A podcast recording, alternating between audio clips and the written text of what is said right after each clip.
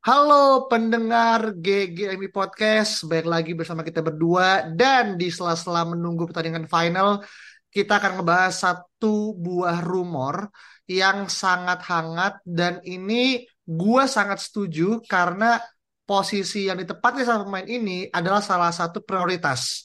Gua nggak akan ngomongin CB, gua nggak akan ngomongin CM, gua nggak akan ngomongin CF, tapi akan ngomongin tentang RB, yaitu adalah Benjamin Pavard yang berasal dari klub Bayern Munchen yang diisukan akan pindah keluar dari Munchen di musim depan. Nah, Vin, gimana lo akhirnya ngelihat rumor Benjamin Pavard yang katanya diisukan masuk ke radar beberapa klub besar termasuk Barca dan juga MU, Vin?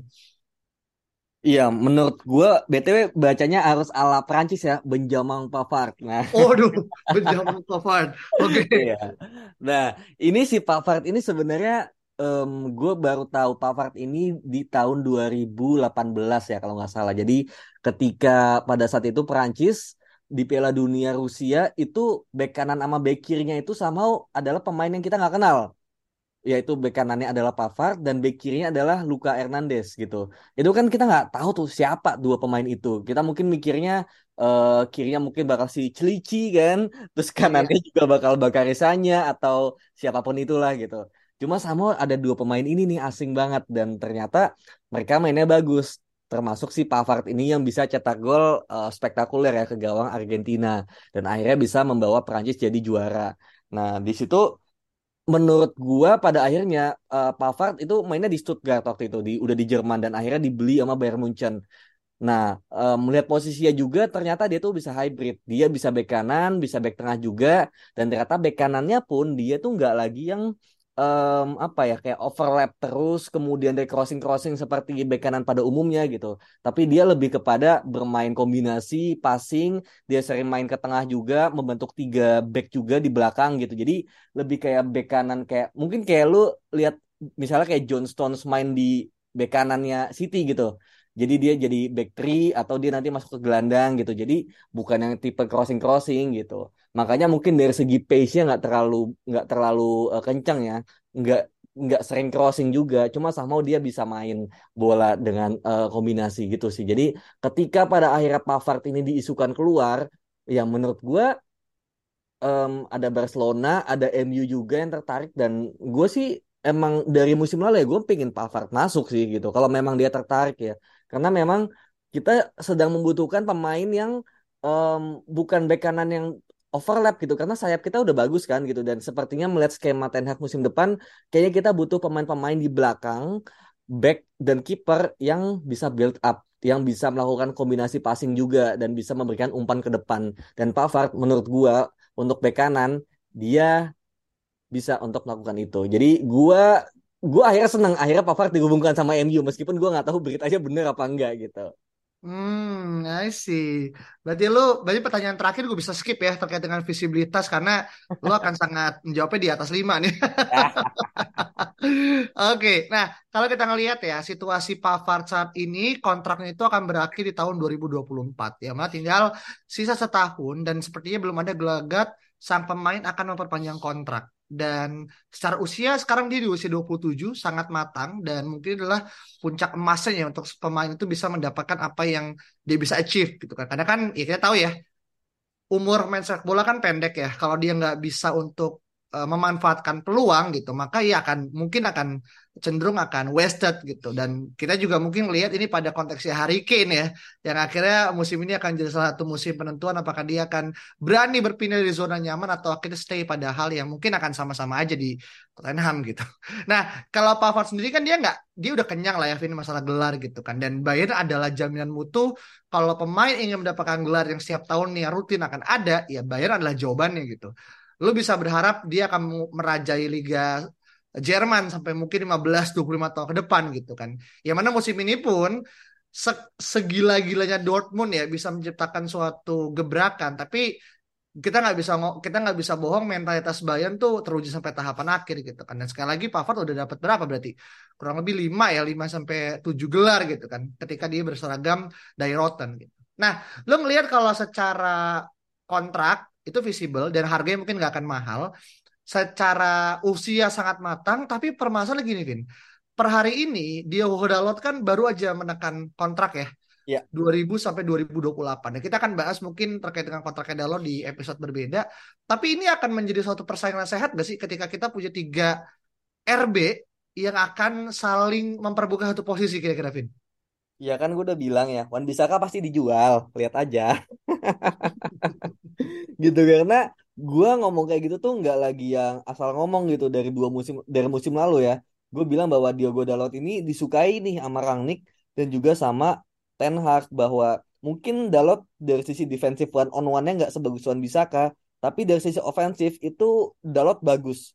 Mungkin kalau Wan Bisaka uh, kita ngelihat dia bisa ngelewatin pemain atau apa ya, itu apa ya kayak individual gitu loh, bukan as a team gitu. Tapi kalau Dalot dia dari sisi passing bagus, positioning bagus. Kemarin pas lawan Fulham juga tiba-tiba dia di depan gitu. Jadi secara permainan skema itu Dalot lebih masuk gitu. Dan nggak cuma gue yang ngomong ya gitu.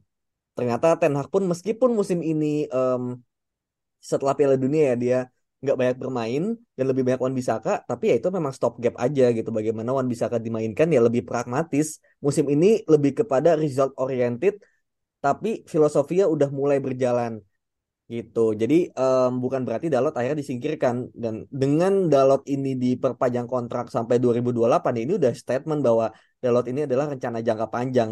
Dan Wan Bisaka nggak ada kabar-kabar kan ada perpanjangan kontrak. Terlepas dia kontraknya masih 2024 ya Pak 2025 tapi biasanya kan udah ada omongan lah setahun tinggal setahun dua tahun lagi. Malah Wan Bisaka rumornya mau dijual kan mendengarkan uh, tawaran kalau ada yang masuk ya kita lepas gitu. Nah ini hmm. dengan asumsi misalnya Pak Pavard beneran masuk dan ada tiga yang menurut gua Wan Bisaka pasti keluar gitu. Karena Dalot udah nggak mungkin keluar ya kali lu perpanjang kontrak lima tahun terus lu jual gitu. Ini kan bukan game ya. Jadi kalau Pak Pavard masuk Wan Bisaka pasti keluar gitu. Tapi kalau misalnya ternyata uh, fokusnya MU ini ternyata masih ke posisi lain ya. Kayak misalnya penyerang gelandang kiper back tengah dan back kanan ini menurut Ten Hag bukan priority, maybe Pavard emang nggak akan datang, maybe nggak sekarang gitu. Mungkin musim depan ketika gratis kita nggak ada yang tahu kan, gitu. Tapi yang pasti um, kalau Pavard masuk, Wan bisa pasti keluar. Dan kalau Pavard sama Dalot ini sebenarnya mirip posisinya, karena Dalot ini sama dia lebih hybrid sih, dia bisa uh, bermain invert bisa, overlap pun bisa gitu. Tapi kalau Pavard lebih bagus bermain invert ke dalam gitu. Jadi menurut gue ini juga bisa ada variasi dan ya menurut gua nggak ada masalah sih. Ini cukup sehat karena Dalot masih muda dan Pavard udah matang. Tapi mat apa ya Pavard ini kayak bukan back yang punya spesialisasi gitu. Dia kelihatan biasa aja. Tapi once dia masuk sistem yang benar nah dia bisa excel di sana. Oke. Berarti ini kasarnya mungkin kalau kita coba top rank ya top 3 atau top 5 RB mungkin Pavard belum masuk ke sana. Gue nggak tahu nih lu ngomong gimana. Tapi orang sering bilang best RB in the world saat ini itu adalah Rhys James ya. ya kan? Orang sering ngomong gitu kan best RB-nya Rhys James dan segala macam. Dan gue mungkin gue nggak apal juga ya kayak RB RB saat ini siapa siapa aja gitu kan. Tapi well nama-nama kayak TAA, Rhys James terus juga mungkin uh, eh, gue gak tau Tommy Yasu maksud apa Cuman gue gue setuju sih pada Pavard dia bukan pemain yang mungkin mega bintang dan mungkin kita nggak menyebutkan Pavard adalah mungkin kayak superstar signing ya kayak kita merekrut Casemiro tapi kebutuhan akan adanya RB dalam posisi yang sekarang serba uh, ngejepit ya. Awan Bisaka dan juga Dalot yang umurnya sama gitu kan. Dan juga nggak ada yang saling excel satu sama lain gitu kan. Keberadaan Pavard akan menjadi in week in week outnya siapa namanya Ten Hag gitu. Selain Dalot akan siap bermain secara hybrid dan gue yakin Dalot pun juga nggak ragu dari posisi kiri ya Vin ya. Iya betul. Bisa kan. Jadi ini menurut gue akan sangat-sangat membantu sih ya agilitasnya uh, eh, MU gitu di musim depan. Apalagi kita tahu Luke Shaw juga bisa bermain kan sebagai LCB ya. Wah itu menurut gue akan lebih lebih liar lagi sih ini uh, gimana akhirnya uh, fungsionalitas pemain yang gak di satu posisi gitu. Hmm, nah, Iya dan dan Pavard ini kan ini ya yang tadi gue bilang ya dia versatile ya. Jadi kalau misalnya nih misalnya Maguire beneran cabut and then um, nah mungkin Pavard ini adalah opsi back tengah gitu loh. Back tengah yang bisa jadi back kanan juga. Jadi bisa jadi mungkin Wan bisa stay tapi Pavard dibeli untuk uh, apa ya kayak jangka panjang uh, apa ya kayak untuk stop gap dulu lah dia sebagai uh, apa namanya back tengah ininya Varan apa namanya backupnya Varan gitu Cuma nanti Hmm. musim depan ketika udah ada budget lagi, nah itu kan bisa keluar, Pavard opsi jadi bek kanan, nah kita barulah beli bek tengah gitu. Entah mungkin bukan Kim Min Jae, mungkin si Todibo atau siapa pun itu gitu. Tapi intinya memang em, yang gua rasa adalah Pavard ini versatile dan itu sangat berguna untuk MU pada saat ini sih. I see, I see. Benar, benar, benar. Dan gue setuju sih. Dan ini adalah hal yang bisa dibilang kalau kita nggak bisa nge-capture sekarang Pavard ya, Bayern juga nggak goblok akan kekip dia sampai musim depan akan gratis ya. Iya. Iya kan? Pasti Bayern juga akhirnya memikirkan bagaimana akhirnya dia bisa mencairkan atau melikuidasi kan suatu aset ya kalau kita ngomongin pemain sebagai eh, apa namanya eh, ya inilah market gitu kan. Tapi gini Vin, yang gue takutkan adalah meskipun ujungnya jadi nggak ini ya eh, harga. Jadi harganya Pavard itu kan di angka 35 juta euro atau setara dengan 560 miliar gitu. Kalau masih menggunakan skema budget 100 juta yang kita pernah dengung-dengungkan gitu. Dan kita nggak ngeliat RB ini adalah posisi yang sangat urgent gitu. Lu ngelihat dia ini akan jadi semacam kayak statement signing atau justru lebih kepada kayak lu ngelihat dia ini kayak dulu kita ngedatengin Malaysia di di musim lalu, Vin. Ya, em, menurut gue ya lebih kepada bukan statement sih karena bukan bintang ya, tapi lebih kepada eh, ya seperti Malaysia itu. Jadi Malaysia ini kan sebenarnya pembelian pertama ya, yang mana bukan statement signing tapi lebih kepada memang MU bergerak dan harganya murah waktu itu 12 juta. Dan sifatnya lebih kepada ternyata memang backup gitu loh, backup eh, playernya Show. Dan menurut gue Pavard pun juga bakal mendapatkan spotlight yang sama gitu, yaitu sebagai apa ya mungkin bukan backup ya tapi eh, pemain yang akan bersaing di posisi Dalot gitu ataupun back tengah karena Maguire gue yakin banget gitu terlepas dari Ten Hag bilang ingin dia bertahan tapi ya emang Maguire mau dia jadi cadangan lagi dan gue yakin sih enggak gitu. Jadi makanya Pavard ini ya fleksibel gitu lo beli beli dulu aja gitu kan. Ya dia bisa ngisi posisi tengah atau bek kanan gitu. Kalau nanti Wan bisa ternyata ada yang mau beli, ya udah nggak apa-apa, lu udah punya Pavard anyway, tinggal lu fokus di back tengah lagi gitu. Nah, tadi lu bilang masalah budget 35 juta, iya sih gitu. Gua baca 20 juta kemarin Inter udah nawar di Januari ditolak kan. Berarti pasti di atas 20 gitu. Tapi seharusnya sih nggak nyampe 50 ya, 30 35 harusnya bisa gitu. Cuma ya yang bikin bingung adalah ya itu kita masih priority di penyerang di eh, gelandang juga. Nah, gelandang juga kita nggak tahu ya mau beli satu atau dua. Dan bek kanan memang sebenarnya apa ya penting nggak penting sih gitu. Karena udah ada Dalot anyway gitu loh. Meskipun Wan Bisakanya mungkin agak sulit untuk build up tapi udah ada Dalot gitu. Jadi kalau emang kita butuh yang primary dulu di posisi yang lebih penting eh, gelandang penyerang kiper gitu. Nah ini kalau bek kanan kan sifatnya lebih kepada penguatan ya. Tapi bukan kepada menambah lubang tapi lebih kepada penguatan. Nah ini beda gitu. Kalau penyerang gelandang kiper itu kan lebih kepada menambah lubang karena emang udah jelek gitu loh, udah nggak masuk skema. Tapi kalau bek kanan udah masuk skema, udah ada satu pemain itu Dalot dan tinggal sekarang penguatannya di Pavard gitu. Jadi memang agak ini sih, gue nggak yakin, masih belum tahu apakah MU bakal bergerak atau enggak sih untuk Pavard. Mhm. Iya, iya. Dan gue ngeliatnya gini ya, ketika misalkan Pavard itu ada potensi menggantikan Maguire, berarti ini sama kayak potensinya Alaba ke Real Madrid yang jadi CB ketika dia awal sebagai LB kan. Ya, Ya kan? Nah ini kan bisa jadi semacam penerusnya Alba, tapi eh, ya pasti bukan ke Madrid ya segala macam. Cuman gue ini adalah sangat mungkin banget gitu. Dan ternyata Alaba gue lihat ya beberapa kali nonton Madrid pun dia ya dipasangnya kan sebagai CB gitu kan, bukan Iya. sebagai LB lagi gitu. Mm-mm. Yang mana ya mungkin Xiao yang sering ngikutin ya jejaknya mirip ya. Iya, Apalagi iya. juga ya gue yakin ketika nanti kita main di final lawan City, Xiao akan main sebagai LB, tapi dia akan punya potensi untuk sebagai LCB gitu kan. Dan Betul. ini Pavard eh, menurut gue sih ticking all the boxes ya secara eh, apa namanya physical attribute juga sangat oke ya menurut gue ya gitu kan. Iya, Dan iya kan? dia dia fisiknya bagus dan eh, kalau gua lihat di Who Scored ya, dia itu strength-nya yang very strong itu di passing sama holding onto the ball. Hmm. Yang strong itu ada aerial duel, tackling dan ball interception gitu. Jadi memang dari sisi em, bertahan dia udah oke ya. Kemudian passingnya pun oke gitu. Jadi jadi yang tadi gue bilang ya, dia bukan tipe yang crossing ataupun shooting gitu. Tapi dia lebih kepada passing. Dia menjadi skema dalam build up di lini belakang yang mana kita tahu dengan kita mau beli dua apa ya memasang dua double eight ya di depan dan meninggalkan Casemiro sendirian di DM berarti kan logikanya adalah kita membiarkan kiper dan back kita untuk build up gitu dari belakang sendirian gitu bukan hmm. bukan gelandang tipe Frankie De Jong yang mundur ke belakang atau Erikson lagi bukan gelandangnya udah nggak main dan Casemiro pun nggak akan dilibatkan jadi back ini harus benar-benar bisa untuk build up dan Pavard sangat kompeten untuk itu sih I see. Dan gue bisa sampaikan gini ya. Dilemanya menjadi Rafael Varane ketika mengajak Pavard. Kan bisa gitu ya players attract players kan. agen siapa? Agen Luke Shaw gitu kan. Ketika akhirnya kita didekatkan dengan Mason Mount dan juga Declan Rice gitu kan. Atau dulu kita punya agen Pogba ketika akhirnya Lukaku datang ke MU dan segala macam lah. Dan gue bisa bayangkan ketika Varane yang kompatriot dia di Prancis ya. By the way, Pavard ini udah punya cap 47 yang mana menurut gue sangat-sangat luar biasa ya untuk pemain 27 tahun punya cap 47. Berarti kan dia memulai di usia sangat muda kan, Vin. Gak hmm. mungkin lo akhirnya 47 di angka 27 kalau enggak lo setiap uh, tahun mungkin bermain 5 sampai 15 kali gitu. Uh, ini akan jadi dilema karena misalkan Pavard dibujuk sama Varan dan Varan iya Varan menjadi agen lah gitu. Tapi ketika masuk eh alih-alih menjadi RB dia menjadi substitutnya dari Varan gitu. Iya kan? Kan gue nggak yakin Pavard akan main sebagai LCB ya.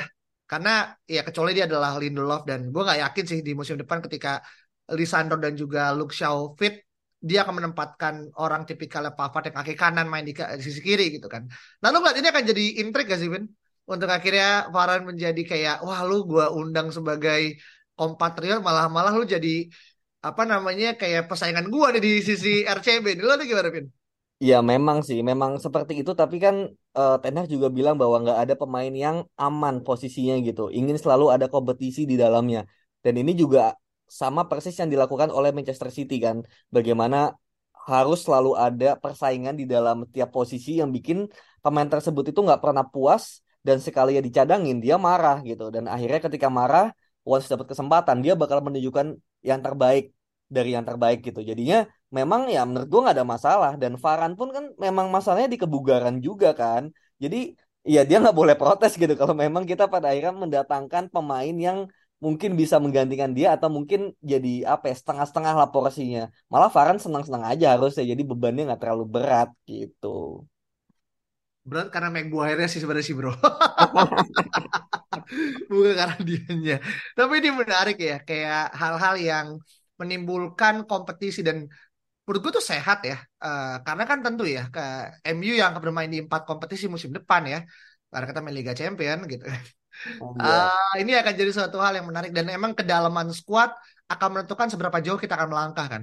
Kedalaman gak yang ngomongin kuantitas tapi kualitas kan dan Pavard menurut gue sih bisa diandalkan lah. Dia serial winners ya. Uh, World Cup winners juga jangan lupa tahun 2018 dia menjadi bagian integral dari squad uh, Didier Deschamps gitu kan. Dan ya walaupun sekarang kan ngerasa kayak dia umur 27 tapi ya masih panjang lah apalagi misalnya dia bisa pindah ke CB, waduh lebih panjang lagi usianya gitu. ya kan segala macam. Nah, uh, gue nggak mau nanya terakhir Rev ini karena gua, lu disebut uh, implisit jadi menurut gue sia-sia pertanyaan gue. Enggak sia-sia. Teman-teman.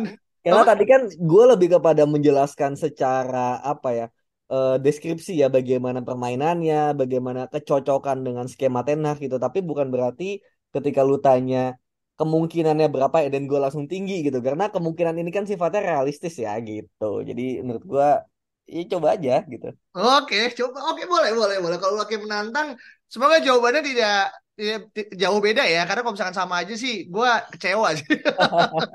Karena orang udah nonton apa uh, dengar apa jauh ternyata hasilnya sama mending langsung skip ke akhir gitu. Yeah, yeah. gimana visibilitas Pavard akan ke MU nah kalau visibilitas sebenarnya gue yakin gue gue nggak tahu sih ya gue yakin atau nggak tapi gue merasa bahwa Pavard ini adalah tipe backnya siapa namanya Ten Hag juga gitu. Meskipun mungkin bukan nomor satunya tapi masuk lah karena gue melihat dia tuh mirip mirip Timber lah gitu. Okay. dia passingnya bagus cuma mungkin uh, apa namanya gue tidak melihat ada bagian strengthnya itu adalah uh, apa sih namanya press resistance ya. Di mana itu kan Timber banget ya dia bisa press resistance dan kemudian dia juga bisa dribbling sampai depan tapi untuk passing masih oke okay, gitu jadi mirip sama Timber posisinya cuma Timber ini kan memang posisi utamanya CB dan dia suka apa namanya suka ke dalam dan juga ke, ke tengah gitu tapi kalau Pavard dia back kanan yang bisa jadi CB dan suka main ke tengah juga gitu. Jadi memang startingnya di kanan. Dan kita kan perdebatan Timber ini kan adalah banyak yang bilang Timber ini nanti bakal jadi bek kanan kita gitu. Yang mana banyak orang Belanda pun pengamat Belanda yang bilang Timber ini sama sekali nggak bisa main di kanan gitu loh. Dia harus di CB. Sedangkan untuk CB kita nggak mungkin kita menyatukan Timber dan Martinez gitu di Liga Inggris ya. Gitu. Kalau di Liga Belanda mungkin bisa gitu, tapi di Inggris itu nggak mungkin. Dihajar sama Newcastle gitu kan. gitu. Jadinya menurut gua Timber kayaknya nggak akan datang gitu. Tapi yang datang adalah tipe pemain yang mirip yaitu Pavard. Nah, hmm. masalahnya kan lebih kepada budget dan juga priority. Ini ya. dia yang pada akhirnya mengganggu. Kalau misalnya nggak ada masalah budget itu dan priority, mungkin gue bisa bilang angkanya 8 atau 9 dari 10 gitu. Tapi karena masalah budget dan priority dan ada pesaingnya yaitu Barcelona ya, dan Inter dan Pavard juga bilang ingin mencari tantangan baru, berarti sangat mungkin dong dia ke Barcelona gitu. Jadi gua merasa kemungkinannya 50-50 jadi gue 5 dari 10 sih. Oke. Lu ngomong tantangan ke Barca sih lebih kepada Suaka kali ya. Karena juga di Barca pasti dapat juara juga. Kalau tantangan baru ke MU gitu. Ya bener sih, bener. Iya kan? Kalau Barca menurut gue udah ya selain daripada Safi juga masih meramu ya. Tapi gue masih ngerasa Barca tuh minimal satu trofi dapat lah kayak musim ini kan dia juga juara kan uh, apa namanya uh, Liga Spanyol walaupun di awal-awal juga kan agak terseret-seret ya gitu kan. Uh, cuma kan ujungnya juga juara karena persaingannya juga cuma dua gitu. Lu bagi aja antara siapa yang dapat Copa del Rey, siapa yang akan dapat Liga Spanyol gitu. Nah, nah benar dan apa? Iya dan Barcelona sebenarnya nggak butuh back kayak Pavard ya menurut gue gitu karena back kanannya kan udah Konde gitu. Konde juga bukan yeah. tipe Konde yang Pavard ini mirip menurut gue kan sama-sama sama-sama dari Prancis juga, sama-sama back apa ya back tengah back kanan tapi yang bukan tipe overlapping gitu loh. Tipe yang menjadi back three atau jadi ke tengah gitu. Konde sama Pavard ini terlalu mirip gitu. Jadi kayaknya menurut gua Barcelona itu butuhnya adalah back kanan yang bisa overlap gitu buat variasi kalau Konde nggak bekerja misalnya nggak bekerja dengan baik taktiknya ya belilah back kanan yang memang uh, overlap gitu. Sebenarnya udah ada kan ada Sergino Des kan cuma mungkin emang nggak cocok aja juga dan mentality wise juga nggak bagus gitu. Jadi kalau beli Pavard lagi sih emang agak wasted sih karena terlalu ya. mirip gitu. Mungkin dan mereka juga masih punya Aroho juga yang bisa main di kanan kan dan sering ya. kan Aroho main ya meskipun kayak tiang listrik ya. terlalu tinggi untuk sebagai bek. Karena ya walaupun Pavard juga tinggi juga sih. Cuman makanya gue bilang kalau kalau ngomongin tantangan sih nggak ke Barca ya gitu. Ya project-project yang kayak MU lah yang harusnya membuat dia jadi berpikir kalau mendapatkan uh, trofi itu nggak semudah itu gitu. dan Casemiro kan udah merasakan ya. Dan meskipun ya well satu trofi di pertama dan OTW kedua mungkin bisa jadi salah satu pembuktian kalau dia pemain besar gitu kan. hmm, yeah. I see, I see. Oke, okay. nah teman-teman gimana nih uh, pendapatnya? Apakah setuju datangnya Pavard akan menjadi poin pembeda dan justru malah sebagai komplementari ya dengan Diogo Dalot yang baru aja tanda tangan kontrak. Dan selamat sekali lagi buat Dalot. He deserve it. Dan uh, petualangan dia akhirnya merantau ke Milan tuh membawakan hasil ya. Dan menurut gue sih dia dia pembelian Jose Mourinho kalau nggak salah ya. Ya betul. Yang kalau nggak salah masih bertahan selain Victor Lindelof ya, yang juga hmm, akhirnya datangkan uh, dan lainnya mungkin kita bisa mendebatkan ke mana-kemana perginya. Tapi ya well dua pemain ini masih bertahan dan bahkan Dalot yang akan mungkin kayaknya nafasnya lebih panjang ya dibandingkan Lindelof gitu kan. Kita tinggal tunggu dan kalau teman-teman punya kritik saran dan juga opini silakan kunjungi aja Twitter kita di @ggmipodcast dan jangan lupa kasih bintang 5 dan follow Spotify kita. Kita ketemu lagi pada episode berikut ya. Bye bye.